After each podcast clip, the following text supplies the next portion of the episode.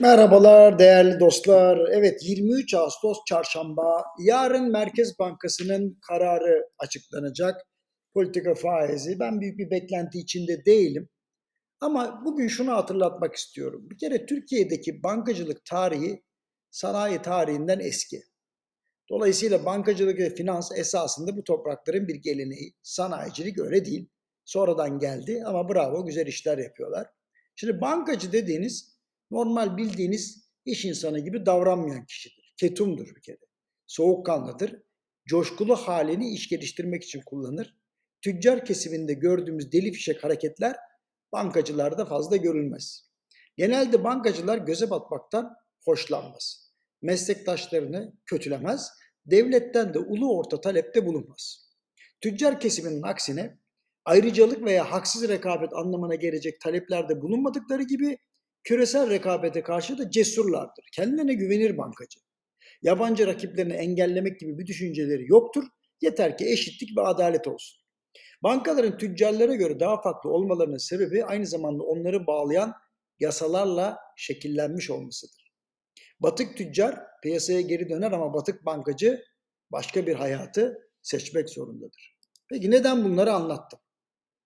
Şimdi bir kere bankalarla alakalı bir uygulamayı hayata geçirmeden önce hani biz emrederiz onlar da yaparlar gibi bir düşünceye kapılanlar oluyor. Onu bir düzelteyim.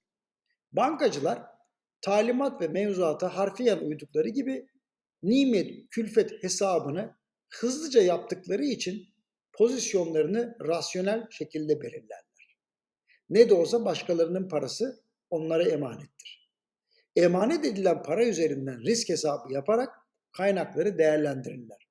Şartlara göre bu risk parametrelerinin sayısı artar, değişir, sertleşir veya normalleşir. Dolayısıyla mevzuat bankacıların yapacağı işin asgari ya da azami sınırını belirler. Bu iki sınır arasında bankacı tecrübesini kullanarak iş yapmaya çalışır.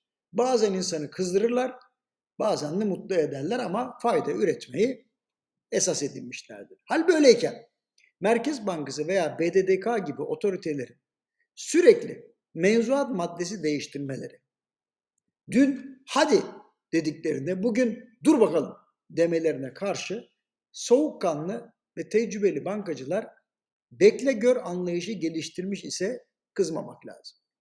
Bankacılar Merkez Bankası'nın faizleri çok yükseltmeyeceğini ama bunu kendilerinden beklediğini biliyorlar. Dün KKM hesabı açılması için baskı yerken bugün bu hesapların kapatılması için benzer bir baskıya maruz kalmaları onları düşündürüyor. Değerli dostlar bir taşla iki kuş vurmak belki ticarette olur ama bankacılık bu tip yaklaşımları kaldırmaz. Dolayısıyla Merkez Bankası'nın yarın faizleri en fazla %20'ye getireceğinin bilinciyle Türk lirası mevduat faizlerini yükseltmek için acele etmeyecekler.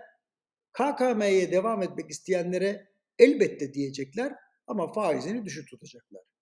Birçok bankacı aman ha KKM'ye rakip başka bir enstrüman yaratmayın diyor. Demek ki onlar da bu işin bitmesini istiyor ama Merkez Bankası'nın beklediği kadar çabuk olmayacak bu iş. Eğer Merkez Bankası'nın yeni yönetimi ilk reçetede başarılı olmadığı için iyice sertleşmeye karar verirse büyük hata yapar. Yeni atanan isimleri az çok tanıyoruz. Böyle bir deneme yapmayacaklarını düşünüyoruz. Sözün özü. İşler kağıt üzerinde matematik formüllerle yazıldığında güzel gözükür. Ancak bilim deney ve gözleme dayalıdır ve matematik sayesinde ifade edilir. Daha önceki deney, tecrübe ve gözlemler üzerinden matematikle rasyonalize edilmiş olan gelişmeler sayesinde tekrar matematik kullanarak senaryo geliştirilebilir. Bu doğru. Ancak adı üzerinde gerçek başka, senaryo başkadır. Ve değerli dostlar, piyasa gerçektir. Yarın görüşmek üzere efendim. Hoşçakalın.